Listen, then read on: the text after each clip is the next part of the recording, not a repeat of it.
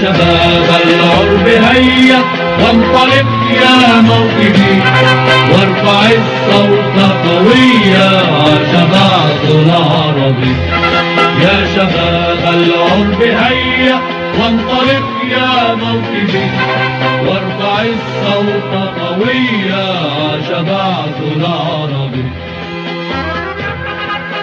Halo apa kabar teman-teman, kembali lagi di podcast Tabula Arabum edisi yang keempat Kali ini saya Avandi masih ditemani oleh saudara Fajar Ya, saya Fajar di akun Twitter @fajarbutun. Iya. وشباب لا يلين نحن جندي مقاتل نحن صوت الكادحين من جذور الأرض جئنا من صميم الألم للضحايا ما بخلنا بالعطاء الأكرم يا شباب العرب هيا وانطلق يا موكبي Kali ini kita akan bahas satu tema yang sebenarnya cukup menarik ya untuk berbicara tentang dunia Arab Tetapi tema ini sebenarnya agak hilang untuk dibicarakan oleh pengamat Timur Tengah beberapa dekade yang ke belakang Karena mungkin ketika berbicara tentang Arab, mungkin yang terbayang oleh teman-teman adalah monarki, kerajaan, kesukuan gitu ya. Artinya ketika membayangkan negara-negara Arab, yang terbayang adalah Dubai atau Kesultanan Oman atau Kerajaan Saudi. Nah, sekarang kita mungkin akan bahas sisi lain di dunia Arab ya, khususnya terkait dengan bagaimana sistem politik negara-negara Arab selain yang kerajaan yang sifatnya republik seperti Mesir, ya, Syria dan Irak yang mereka punya sejarah yang cukup kental ya dengan pan Arabismenya, kemudian dengan sosialisme Arabnya. Dan mungkin kajian-kajian ini cukup apa ya terlupakan kali Mas ya. Artinya dalam konteks saat ini khususnya kemarin dengan apa revolusi eh, Arab Spring. Arab Spring gitu ya dengan narasi-narasi demokratisasi kebebasan. Mungkin kita akan membahas pan Arabisme ini sosialisme Arab ini supaya kita bisa punya narasi sejarah yang lebih cukup komplit untuk memahami Arab modern saat ini Iya. Dan kalau kita bicara tentang panarabisme kita tidak bisa terlepas dari Partai Ba'ath karena itu kita pada episode kali ini kita akan bicara khusus tentang Partai Ba'ath. Partai Baas dan pan Arabismenya ya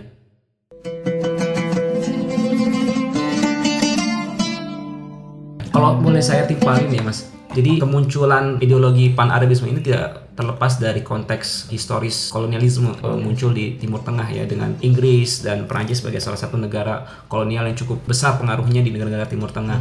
Kalau kita bicara tentang pan Arabisme, kita tidak akan bisa terlepas dari pembahasan tentang Nasirisme di mana Gamal Abdel Nasser sebagai salah satu tokoh penting. Sebenarnya Nasser tidak pencetus tapi dia memformulakan pemikiran tentang sosialisme Arab ini secara lebih sistematis dan lebih filosofis sehingga menjadi sebuah basis kekuatan politik, penggerak politik yang cukup penting kala itu untuk membangun sentimen anti kolonialisme kalau menurut saya. Iya, sebagai alat perjuangan juga panarabisme dicetuskan digalakan oleh para loyalisnya untuk mengusir Ottoman. Ya, artinya di situ panarabisme digunakan untuk membangun identitas Arab kembali. Karena memang sebagai sebuah negara kolonial, identitas itu sangat perlu dan penting untuk membangun mobilisasi masyarakat. Tanpa adanya identitas bersama, sangat sulit bagi sebuah negara untuk keluar dari kolonialisme. Makanya Nasser membangun rasa kearaban gitu loh sebagai basis identitas baru negara-negara pasca kolonial. Di sini panarabisme ini tidak dimaksudkan dengan kesukuan Arab ya, tapi yang dimaksud adalah Arab adalah suatu komunitas yang memiliki bahasa yang sama, memiliki tradisi yang sama, sehingga menjadi basis penting untuk membangun sebuah negara modern pasca kolonial. Ya, kalau Ben Anderson apakah itu Iya. yang dimaksud sebagai Iya, imagine, community? iya, artinya negara itu perlu di- dibayangkan. Batasan-batasan Iya, imajinasi saja. ya. imajinasi ini kan eh, masyarakat perlu imajinasi tentang siapa mereka dan Nasser melihat bahwasanya kearaban itu menjadi suatu imajinasi penting untuk menjadi penggerak bagi masyarakat masuk ke dalam sebuah tatanan negara yang modern gitu. Nah, kenapa menjadi pan Arabisme? Karena ketika itu Mesir melihat perjuangan bangsa Arab dalam melawan kolonialisme tidak bisa bersifat lokal, tidak bisa dikhususkan hanya satu negara. Ketika kemunculan Israel ya Mas ya, Ya. tahun 48 ya. Nasir melihat bahwasanya perjuangan yang sifatnya hanya lokal per negara tidak akan bersifat efektif. Artinya keamanan, keamanan dan ketertiban regional itu menjadi sangat penting kuncinya. Jadi harus ada sebuah usaha yang bersifat Jangka eh, panjang, jangka panjang dan bersama-sama antara negara-negara Arab untuk bisa melawan kolonialisme gitu loh. Makanya Nasir uh, Mesir, kemudian Syria dan Irak menjadi tiga negara yang cukup penting ya untuk membangun sebuah kesamaan Artinya perlu dibangun kesadaran regional tentang siapa kita. Iya. Sebelum bicara lebih jauh tentang pan-Arabisme, apa sih sebenarnya yang mengikat bagi orang di daerah kawasan tersebut sebagai belong to Arabs gitu? Sebab kalau kita lihat di daerah kawasan, kalau kita sebut lewat bahasa, maka daerah di kawasan Afrika Utara kemudian turun ke dekat di sepanjang sungai Nil, Somal macam-macam Iya. itu kan mereka berbahasa Arab juga. Berbahasa Arab, kan? iya. Tapi secara ras mereka bukan orang Arab. Ini yang yang cukup menarik menurut saya. Jadi pan-Arabisme yang diusung oleh Nasir adalah sebuah identitas kearaban tentang siapa itu orang Arab tanpa menonjolkan kesukuan, Mas. Ini berdasarkan apa bahasa? Bahasa, kesatuan bahasa, kesatuan tradisi masyarakat Arab. Jadi pan-Arabisme ini cukup luas diterima karena memang tidak bersifat rasisme ya. Dia berbasiskan oleh imajinasi tentang siapa itu orang Arab yang berbeda dengan orang-orang Eropa nah, yang menjadi kolonial ketika itu. Jadi sebenarnya hal yang lazim ya. Di Indonesia pun kita membangun imajinasi tentang Indonesia sebagai basis memperjuangkan kemerdekaan.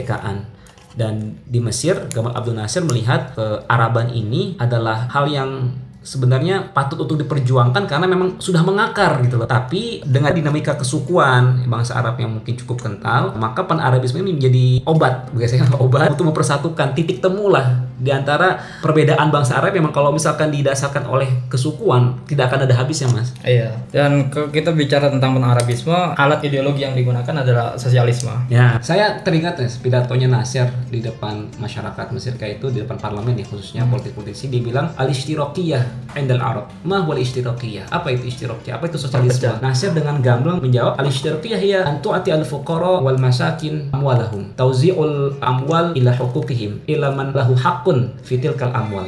Artinya apa? Sosialisme adalah kalian memberikan sesuatu pada yang berhak, membagikan kekayaan sesuai dengan porsinya. Satu poin penting mas yang saya lihat dalam pidato adalah apakah antara sosialisme dan Islam itu bertentangan?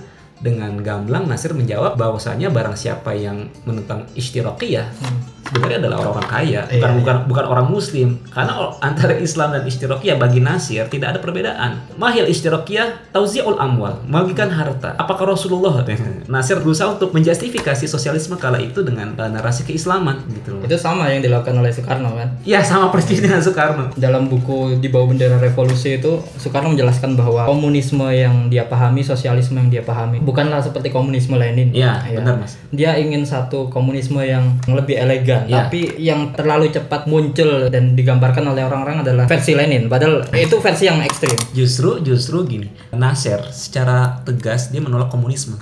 Nasir justru Nah, sangat ini menentang sebenarnya komunisme. juga menjadi poin bagi kita bahwa sebetulnya sosialisme dan komunisme itu adalah hal yang berbeda.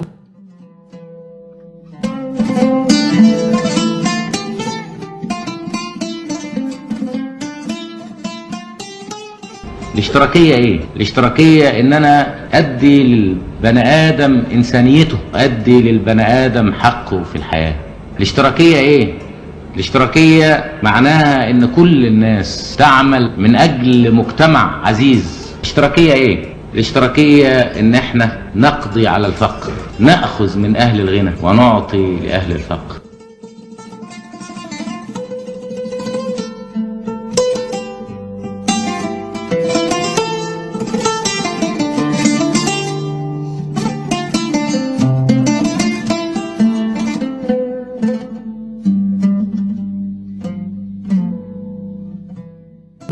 sangat berbeda. Kita akan ke definisi dulu, Iya. menjernihkan definisi. Iya. Jadi gini mas, banyak orang yang berpikir sosialisme, komunisme itu sama gitu loh. Marxisme, Leninisme. Padahal kalau Leninisme kan ada tafsiran Lenin terhadap Marxisme gitu kan. Tapi karena memang kebanyakan orang berpikir komunisme dan sosialisme adalah sama gitu loh. Jadi ketika mereka mendengar sosialisme Arab, yang terbayang adalah kafir, kufur gitu. Kan di sini juga kalau Jangan. buku-buku sosialisme digerebek, dirampas. Iya, karena ada ketakutan mas ya, Ah. ketakutan rezim terhadap narasi-narasi yang berbau kiri. Jadi artinya semua disamaratakan gitu loh, sebagai sebuah common enemy lah. Padahal dulu sosialisme di Arab itu ya sebagai bahan perjuangan, dasar perjuangan melawan kolonialisme gitu. Bukan hanya di Arab, Pak. hampir di negara-negara yang mendapatkan kolonialisme Iya. ya. Jadi kayak Kemal Atatürk, Soekarno, Ho Chi Minh, kemudian ya Nasir di Mesir, hampir seluruhnya menggunakan ideologi sosialisme sebagai dasar perjuangan melawan kolonialisme. Cuman bedanya adalah kalau kita bicara sosialisme Arab, Nasir tidak berusaha untuk sama sekali menghancurkan atau menyudutkan Islam. Dia hanya berusaha untuk membaca Islam dalam kacamata sosialisme. Untuk menjernihkan definisi ini di Perancis abad ke-19 kelompok sosialis itu banyak sekali bermunculan di sana. Iya. Ide-ide sosialisme dimunculkan sebagai lawan dari individualisme sehingga kemudian Henri de Saint-Simon seorang akademisi Prancis yang membawa ide-ide tentang sosialisme, ide dia disebut sebagai utopian sosialisme. Karena itu kemudian kelompok-kelompok ini menggelar satu forum tahun 1864 tercatat ada the International Working Men's Association untuk merumuskan ide-ide sosialisme. Di dalam forum itu kemudian muncul berbagai varian dari sosialisme, ada anarkisme, sosialisme, demokrasi dan lain sebagainya. Kemudian agak ke belakang setelah Marx Engel mendefinisikan posisi mereka ataupun penafsiran tentang komunisme sebagai oposisi dari individualisme, maka kelompok-kelompok Marxis itu mendefinisikan sosialisme sebagai komunisme sehingga jadinya campur aduk Iya, tadi. komunisme itu ujungnya adalah stateless ya, stateless society. Komunisme berusaha untuk menghancurkan negara sebagai alat bagi kapitalisme. Itulah awal kenapa orang-orang sekarang mendefinisikan sosialisme sama dengan komunisme, komunisme sama dengan sosialisme. Karena mungkin komunisme termaterialkan ya dalam bentuk gerakan yang lebih politis. Iya, tapi Ya. kalau secara definisi juga itu tidak tepat Iya, gitu. tidak tepat karena itu hanya tafsiran terhadap sosialisme. Ketika kita bicara tentang komunisme, maka yang terjadi adalah eh, kekerasan misalnya, pembunuhan, berdarah. karena memang dalam paham komunisme untuk mencapai masyarakat tanpa kelas, kelas society diperlukan diktator proletariat. Ya. dan belum belum tentu juga itu tergantung versi siapa. Versi siapa, iya. Tapi Makanya itu kemudian yang saya sebut tadi Soekarno Iya, Soekarno iya. nyebut kalau komunisme yang dia pengen terwujud di Indonesia itu bukan komunisme semacam versi Lenin. Tapi kalau bisa kita sedikit mas ya, kalau mas bicara masalah Hatta, Hatta eh, muncul dengan paham sosial demokrat. Artinya dia paham dengan institusi parlemen sebagai alat untuk menyebarkan atau mencapai sebuah masyarakat sosialis. Sedangkan bagi PKI kala itu ya, Partai Komunis dia tidak percaya terhadap institusi parlemen untuk mencapai masyarakat yang sosialis. Mereka percaya terhadap revolusi sebagai alat untuk mencapai masyarakat sosialis. Mungkin perbedaannya lebih ke cara mas ya, iya, masyarakat yang saya eh, kira sudah clear ya. Clear ya? Jadi kelompok Marxis saja yang mencampur adukkan sehingga terdistorsi. dan banyak disalahpahami.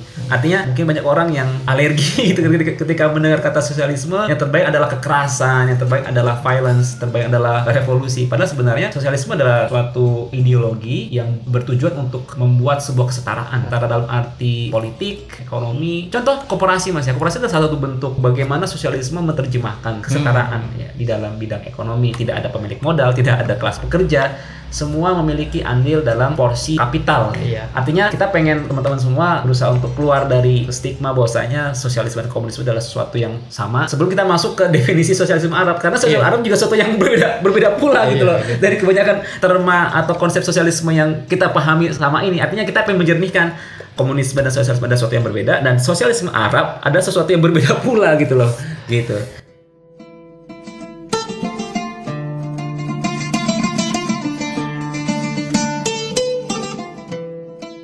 Kira-kira apa sih mas, menurut mas eh, yang membedakan sosialisme dengan sosialisme Arab? Nah, itu yang saya nggak tahu. Makanya itu apa bedanya? berdasarkan uh, kajian literatur yang saya dalami mas ya jadi sosialisme Arab ini pertama dia tidak menghilangkan unsur agama kalau misalkan sosialisme itu berdasarkan pure terhadap filsafat materialisme artinya melihat dunia sebagai sebuah perjuangan terhadap materi ya sosialisme Arab tidak seperti itu dia memasukkan unsur agama sebagai salah satu hal penting di dalam menjalankan sosialisme karenanya Nasir Gamal Abdul Nasir dalam pemahaman Nasirismenya itu dia berusaha melakukan legitimasi terhadap paham sosialisme dengan ayat-ayat Al-Quran. Artinya dalam suatu pidato yang sangat terkenal, Nasir mengatakan sosialisme adalah ketika engkau memberikan, apa, membagikan harta miliknya kepada haknya, kepada mereka yang memang membutuhkan. Teologi Al-Maun ya ini ya. Al-Ma'un. Jadi memang Muhammadiyah sekali. Oh, dia sekali. Jadi memang Nasir berusaha untuk meruntuhkan suatu pemahaman yang berusaha untuk membenturkan antara sosialisme dengan keagamaan. Jadi Nasir ini cukup filosofis, Mas. Dia berhasil membangun dasar sosialisme itu dalam tataran filosofis. Artinya dia berusaha bagaimana masyarakat Arab yang memang mempunyai nilai-nilai Islamnya cukup kental bisa menerima sosialisme gitu loh. Sekali lagi sosialisme di Arab tidak historis. Dia menjawab persoalan ekonomi saat itu di mana ruling class atau kelas penguasa adalah raja-raja monarki yang sebenarnya bagi Nasir adalah boneka-boneka kepanjangan tangan dari negara-negara kolonial. Iya, sebaran partai Ba'ath kan ada dua sebetulnya Iya. yang paling dominan, Iya. yaitu di Syria dan di Irak. Ketika awal-awal muncul partai Ba'ath di Irak adalah sebuah sik apa ya sikap politik dari sebagian kelompok minoritas yang takut dengan the majority government. Kalau di Indonesia bisa kita lihat ketakutan itu sama dengan PSI ya. Iya, pada akhirnya kemudian mengakomodir ketakutan itu sampai akhirnya menjadi besar juga sebagai lawan dari Raja Faisal salah. Hampir mas semua. Iya kan? Raja Faisal, Raja, Raja, Faisal satu dianggap sebagai Iya. kepanjangan, Panjangan- boneka Inggris saja. gitu. Hampir semua di negara-negara penganut sosialisme Arab ya, Mesir, kemudian Syria dan Irak, mereka semua punya pengalaman yang sama. Mereka muncul dalam konteks melawan pemerintahan monarki dalam tanda kutip panjangan tangan dari para negara-negara kolonial. Memang sengaja negara kolonial menancapkan dominasinya itu ya dengan dan tidak secara langsung dengan menggunakan sistem-sistem monarki itu dalam konteks mengeksploitasi sumber daya alam, sumber daya ekonomi di negara tersebut dengan masyarakat mereka sendiri gitu. Sekalipun nanti juga kita temukan bahwa tipologi dari partai Ba'ath ini sekalipun dia sudah tidak monarki lagi tetap Iya. tetap sama ya kan Um, dengan diktatorship dan macam Ya, sebagainya. ini yang menarik. Jadi Baas itu di Mesir, Nasser pada akhirnya menyatukan antara Mesir dan Syria dengan negara kesatuan Arab ya, apa al- al- al-Arabiyah al-Muttahidah itu. Jadi sebenarnya di awal ya kita bisa memahami konsep sosialisme ini begitu cair, sangat-sangat cair dan sangat diwarnai oleh pandangan politik pemimpin sebuah negara gitu loh. Mesir lebih cenderung kepada Nasserisme di mana dia tidak berusaha membangun sebuah struktur politik yang ajak. Sedangkan di Suriah dengan Baas itu berusaha membangun sebuah struktur politik yang lebih ajak, hierarkis. Sedangkan Nasir lebih bertumbuh kepada orang-orang kepercayaan. Kalau kita bicara tentang cairnya sosialisme, kita bisa temukan ini di sosok sikap dari Izzatud Duri, ya, seorang pentolan partai Ba'ath di Irak. Jadi ketika tahun 2003 itu ada debaatifikasi, ya, hukum untuk menghapus aturan-aturan partai Ba'ath, menghilangkan semua unsur partai Ba'ath Partai di Ba'ath. Arab oleh invasi itu kan 400 ribu anggota dari partai Ba'ath yang di pemerintahan, kemudian dapat jaminan hidup, pensiun, itu kan dihapus. Mereka larinya juga ke mana? Ke ISIS kan? Iya iya iya benar benar benar. Nah, Izzatud Duri salah satu tokoh yang melawan invasi. Izzatud Duri dan kawan-kawan lainnya. Saya tidak sebut Izzatud Duri bergabung dengan ISIS, tapi banyak pentolan-pentolan militer, intelijen, tokoh yang memiliki cakapan militer di tubuh Partai Ba'ath sebelumnya, kemudian bergabung dengan ISIS Iya. dan tetap membawa ide-ide sosialisme. Sosialisme. Sekalipun mereka kemudian termarginalisasikan oleh kebijakan ISIS yang Urakan sangat urakan. Jadi kalau yang yang kalau boleh saya simpulkan sedikit sampai detik ini sebenarnya sosialisme cukup efektif dalam membangun sentimen kolonialisme, membangun identitas baru untuk negara-negara Arab pasca kolonialisme. Namun seiring perjalanannya karena begitu cairnya konsep sosialisme Arab ini, maka pada akhirnya negara-negara yang pada awalnya mereka bersatu dalam sosialisme Arab terpecah Mas. Nasser dengan konsep Nasserismenya, Mesir berjalan sendiri, kemudian Syria juga berjalan sendiri dan Irak pun berjalan sendiri. Dan beberapa literatur yang saya baca, karakteristik partai Baas di Irak dan karakteristik partai Baas di Suriah itu punya warna sendiri gitu. dan musuhnya juga berbeda. Kita bisa lihat di Irak misalkan mereka sangat anti Syiah kan. Mereka juga melakukan Arabisasi yang di luar kemanusiaan misalkan. Di Irak Utara mereka melakukan genosida terhadap kelompok-kelompok Kurdi yang mereka kemudian kelompok Kurdi ini juga mengusung sosialisme sebagai alat untuk Memperjuangkan. memperjuangkan. Karena begitu cairnya Mas ya. Bagaimana sosialisme Arab itu dipahami oleh konteks politik Arab modern saat ini. Nah, sedikit perbedaan karakteristik partai Baas di Suriah dengan karakteristik partai Baas di Irak adalah karakter partai Baas di Suriah sangat-sangat militeristik. Hmm, Militeristik, sangat menekan hierarkis militer gitu loh, lebih terstruktur sekali. Sedangkan partai Baas di Irak dengan Saddam Hussein sebagai pemimpin supreme leadernya itu tidak terlalu militeristik karena yang kita tahu Saddam Hussein itu tidak terlalu membawa menonjolkan militer sebagai penopang utama partai Baas di Irak. Jadi unsur militer itu tidak terlalu dominan. Sedangkan kalau di Suriah unsur militer itu sangat-sangat dominan. Iya, Hafiz al-Assad, Bashar al-Assad itu selalu Iya, menekan sampai ada seorang teman ketika ke Suriah bicara tentang pasar, kemudian dia ditegur oleh orang Eh, iya. orang kamu dia bilang tembok di sini bisa denger Dengar- makanya hati-hati banget gitu. sangat hati-hati mas. Jadi kalau Baas di Suriah itu dia sangat-sangat militeristik. Jadi militer sebagai penopang utama dari ideologi Baas. Nah sedangkan kalau di Irak, Saddam Hussein berusaha membangun penopang utama bagi ideologi Baas adalah dengan membangun birokrasi yang mapan. Jadi Saddam Hussein ini dia berusaha membangun Baas ini dengan menjalankan fungsi birokrasi yang cukup efektif. Jadi kalau pengalaman saya, saya kebetulan kemarin kedatangan salah satu kawan-kawan yang dari Irak, teman dekat ya, dia salah satu pengungsi kemarin yang sempat mencari suaka di Indonesia dan saya sempat sharing-sharing banyak dengan teman saya ini, namanya Imad. Dia salah satu askar ya, salah satu askar atau militer. militer pada zaman Saddam Hussein. Dia mengatakan salah satu keunggulan dari Saddam Hussein adalah dia mampu membangun sebuah birokrasi yang kuat, Mas, sampai ke akar-akar rumput. Ini yang menjadi bagi saya fitur penting atau mesin penting bagi Saddam Hussein kenapa dia bisa terus populer karena partai itu hadir Eh, bukankah setiap partai Baas dia punya loyalis yang kuat? Ah ya, punya loyalis yang kuat. Tapi gini, dengan kemunculan birokrasi yang kuat itu, orang tuh berlomba-lomba untuk menjadi Baas, Mas. Jadi bagi si Imad dia mengatakan semua orang tuh bermimpi untuk menjadi anggota Baas. kenapa? Baas menawarkan kemapanan. Artinya ketika kita menjadi anggota Baas maka pintu-pintu akses ya untuk masuk dalam birokrasi, masuk ke dalam privilege-privilege itu menjadi terbuka. Nah itulah makanya kenapa bisa kita tarik ya sebenarnya kalau ketika debaatifikasi Iya. yang tadi tahun 2003 Iya. itu kemudian ISIS mendapatkan sokongan yang kuat gitu dari Iya. masyarakat. Eh, terlepas dari ada pertentangan antara internal lah, Iya. kelompok jihadis, Jabhat Nusra, Al Iya. Qaeda dan semacamnya, mereka kemudian sangat semangat gitu menyerang ke Suriah. Iya. Karena kita bisa artikan begini, psikologi orang Irak itu sebetulnya kan sangat sebal ya dengan Iya. kehadiran agenda politik Iran. Iya, benar, di- benar, benar. di Irak. Iya. Nah sementara itu sama-sama Partai Ba'ath. Basarul Asad sekalipun dia tetap Partai Ba'ath juga dia menjadi agenda atau tangan kanan dari Iran. Iya. Sekalipun kita harus tegaskan bahwa Iran di sini dia tidak memiliki apa yang orang-orang Muslim kita sebut sebagai Persian agenda. Iya, iya. Ya orang-orang kita kan melihat bahwa ini agenda Syiah atau agenda macam tapi tidak sebetulnya karena Iran sendiri dia melihat jika debaatifikasi dilakukan di Suriah maka hasilnya adalah kelompok-kelompok Islamis yang menjadi oposisi paling berat dari Partai Ba'ath akan mengisi kekosongan. Iya. Dan apa yang terjadi? Yang tampil adalah kelompok-kelompok Sunni sebagai mayoritas, bukan kelompok Syiah. Iya, iya benar. Jadi Persian agenda itu tidak ada. Cuman psikologi orang Irak itu memang anti Iran, makanya karena itu saling bertentangan antara Syria dan Irak. Dan saya pernah nanya mas ya ke teman saya ini si Imat dia kebetulan ikut demo kemarin mas demo anti Iran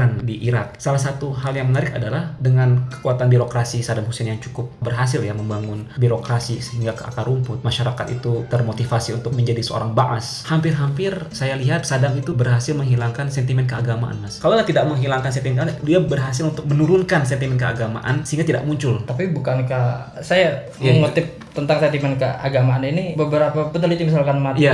gue dari Universitas Toulouse di eh, Iya. Perancis itu disebut kalau ciri Partai Ba'ath itu sebetulnya malah menggunakan politik identitas agama se- sebagai lawan untuk menjegal ya siapa pun Oh, termasuk kelompok-kelompok oposisi dari kaum muslim sendiri dari kelompok islami sendiri juga dia jegal dengan Oh, politik gitu identitas gitu Tapi kalau dalam kita lihat secara lebih empiris mas ya, ketika kemarin Qasim Sulaiman, Qasim Qasim Sulaiman, Sulaimani. Sulaimani ya dia tewas, orang-orang Syiah di Irak itu begitu bergembira mas, senang sekali. kok bisa Senang sekali. Justru justru Imat ini adalah dia adalah seorang Kurdi, dia adalah orang Kurdi dan dia adalah seorang Syiah. Dia begitu senang ketika Qasim Sulaiman ini tumbang. Mengapa?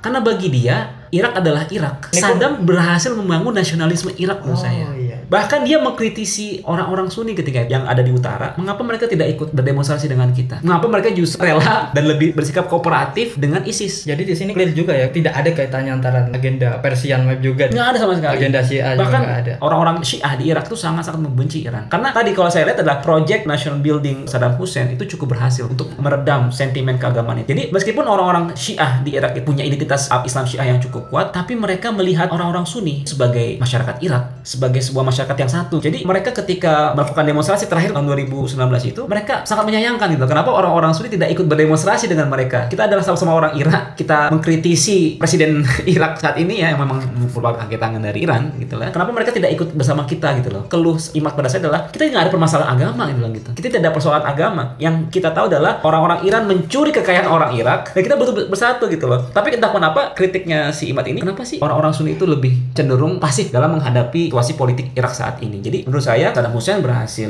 membangun basis kekuasaannya dengan birokrasi yang cukup kuat untuk bagaimana dalam tanda kutip merubah paradigma menurunkan sentimen-sentimen kesukuan, sentimen keagamaan menjadi ya satu Semakin nasionalis. semakin nasionalisme itu mas. Saya kira cukup berhasil mas di Irak. Nah itu saya temukan juga. Maksudnya saya baru paham kenapa kemudian tahun 2003-2005 ketika Amerika baru datang ke Iya. Irak itu kelompok-kelompok revivalis Syiah seperti Iya. Muqtada Sadr dan Iya. melancarkan sebuah fatwa jihad. Mereka juga termasuk salah seorang yang terdepan Iya. untuk melawan invasi itu kan orang-orang Syiah itu. Jadi pada tataran tertentu rivalitas Sunni Syiah itu tidak terlalu relevan ketika membahas Irak, Mas.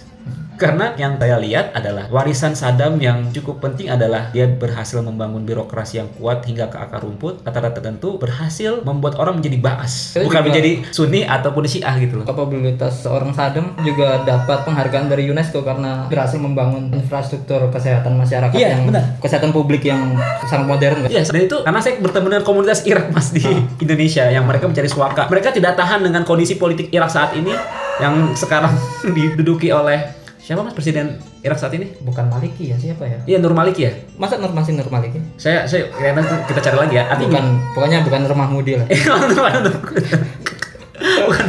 Artinya mereka sangat benci gitu loh. Mereka kan saya tanya, Iran Syiah, Anda juga Syiah, apa menjadi masalah? Tidak, ini bukan masalah agama, ini masalah bagaimana orang-orang Iran mencuri harta kami, mencuri sumber daya kami. Dari situ kan kita bisa menyimpulkan yang saya lihat adalah bagaimana nasionalisme orang-orang Irak itu melampaui sentimen kesukuan, sentimen keagamaan dan itu tidak hanya perkataan dia. Saya juga mewawancari beberapa orang Irak yang ada di Indonesia yang lagi mencari suaka. Ada namanya Kusoir, ada namanya Haidar. Mereka mengakui bahwasanya masa Saddam Hussein adalah masa-masa yang cukup ideal meskipun tidak cukup tanda kutip terjadi pertumpahan darah. Ya, bisa dibilang cukup tragis Mas ya. Tapi artinya Saddam Hussein berhasil menurunkan menghilangkan sentimen keagamaan, sentimen rivalitas Sunni Syiah itu menjadi Ba'atisme Abraham Salih presiden Irak yang saat ini ya.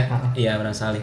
keingat kenapa Nuri Al Maliki Jadi gimana mas? Kalau saya artinya sosialisme Arab itu pada awalnya muncul sebagai antitesa terhadap kolonialisme, tapi dalam perjalanannya mereka begitu cair sehingga terpecah-pecah. Tapi dalam tataran tertentu mereka cukup berhasil dalam membangun nasionalisme masyarakat di negara masing-masing, gitu. baik di Irak, di Suriah maupun di Mesir. Nah di Mesir bagi saya nasionalisme itu lebih kuat dibanding Ba'atisme. Karena Nasir Nasir dalam hal ini dia lebih kental dengan unsur agamanya. Nasir berusaha menjustifikasi sosialisme dengan narasi-narasi keagamaan. Bahkan di sini kita tahu ya satu cerita yang paling tersebar ya, bagaimana Soekarno mampu mempengaruhi Nasir agar tetap membuka Al Azhar, tidak menutup Al Azhar, ya kan? Kita bisa melihat ya mas, bahwasanya pandangan-pandangan keislaman ya di antara dua tokoh pentingnya Soekarno maupun Nasir. Keislaman itu menjadi bagian penting dari sebuah sosialisme dalam pandangan mereka. Artinya bagaimana sosialisme itu bukanlah hal yang bertentangan. Ya Soekarno muncul dengan konsep nasakomnya ya, meskipun tidak cukup ideal untuk di- diterapkan, tapi ada keinginan besar, pandangan besar yang melihat sosialisme itu sejalan dengan nilai Islam. Nah, jadi sosialisme di Mesir kalau bagi saya dia cukup kental dengan nilai keislaman. Ya di situ ada Azhar ya Mas ya, sebuah institusi keislaman yang cukup mapan, punya tradisi yang cukup kuat sehingga karakter sosialisme di Mesir itu dia lebih kental dengan nilai-nilai keagamaan.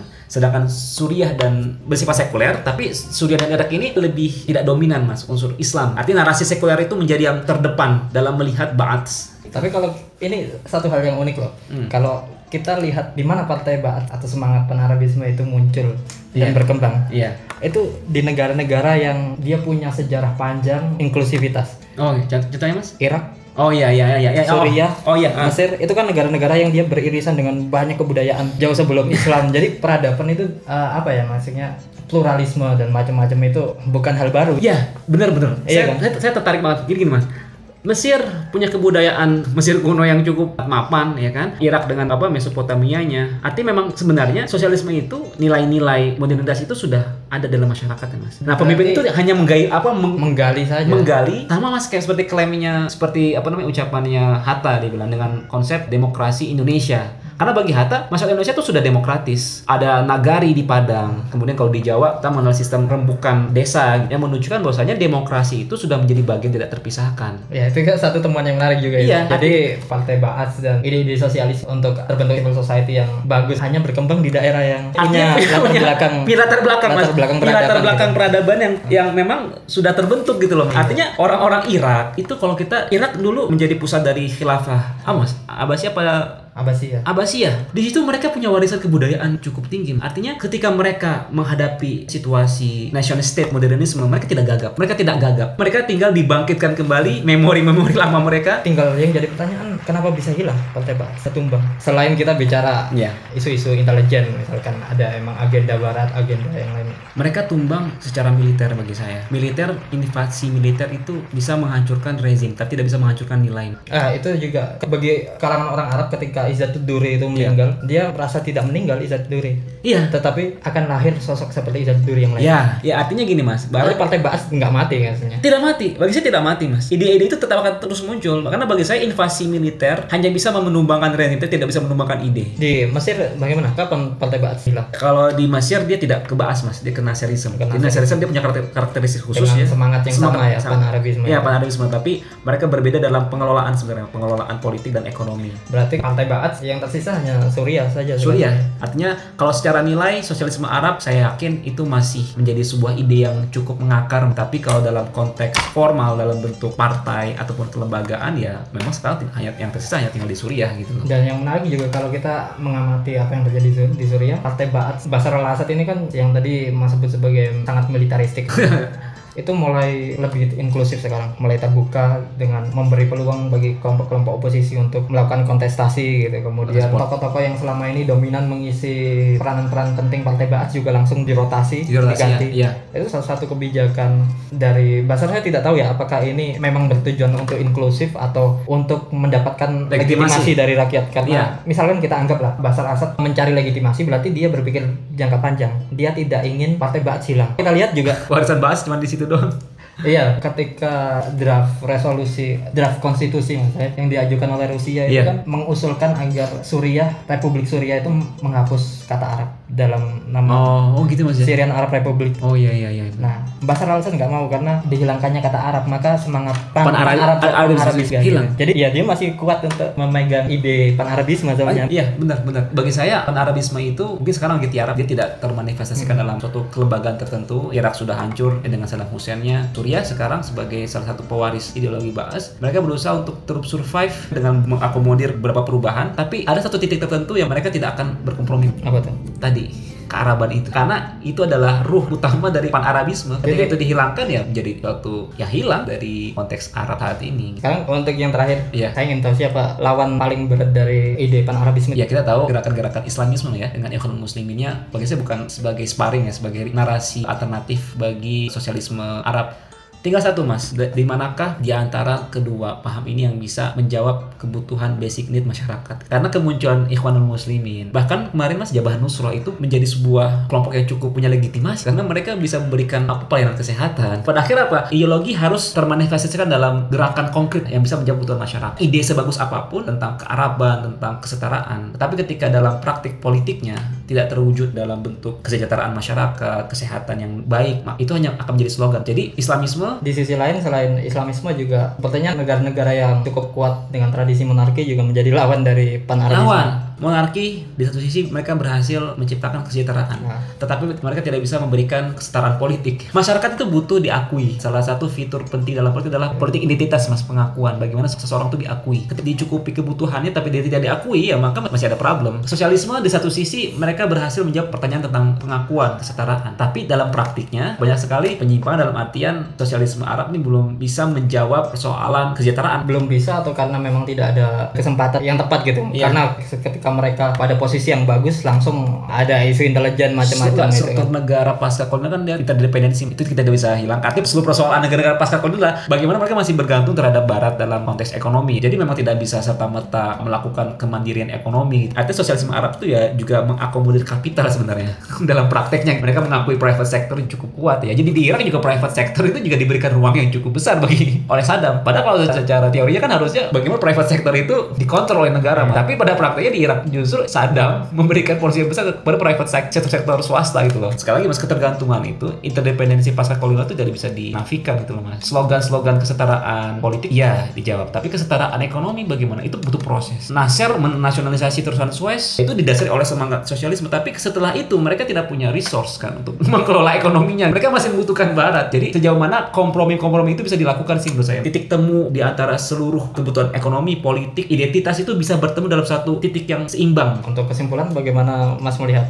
masa depan Partai Baat? Kalau saya sendiri sih melihat masa depan tinggal ada di Suriah sebetulnya. Iya, artinya di Suriah kita akan melihat Baas sebagai sebuah nilai sebagai sebuah lembaga. Nilai sosialisme Arab, pan Arabisme terlembagakan, termanifestasikan dalam sebuah kelembagaan, sebuah negara. Sekali lagi bagi saya, sosialisme Arab itu tidak akan mati. Masih punya basis, Mas. Contoh tadi Mas, saya punya teman Irak dan dia sangat-sangat Baas ya. Dia masih orang yang mendukung Baas meskipun ya Baas sudah nggak ada di Irak, tapi dia masih mendukung ide-idenya. Artinya dalam suatu kesempatan kalau misalkan Partai Baas itu muncul lagi di Irak masih sangat terbuka punya basis basis konstituen yang cukup luas.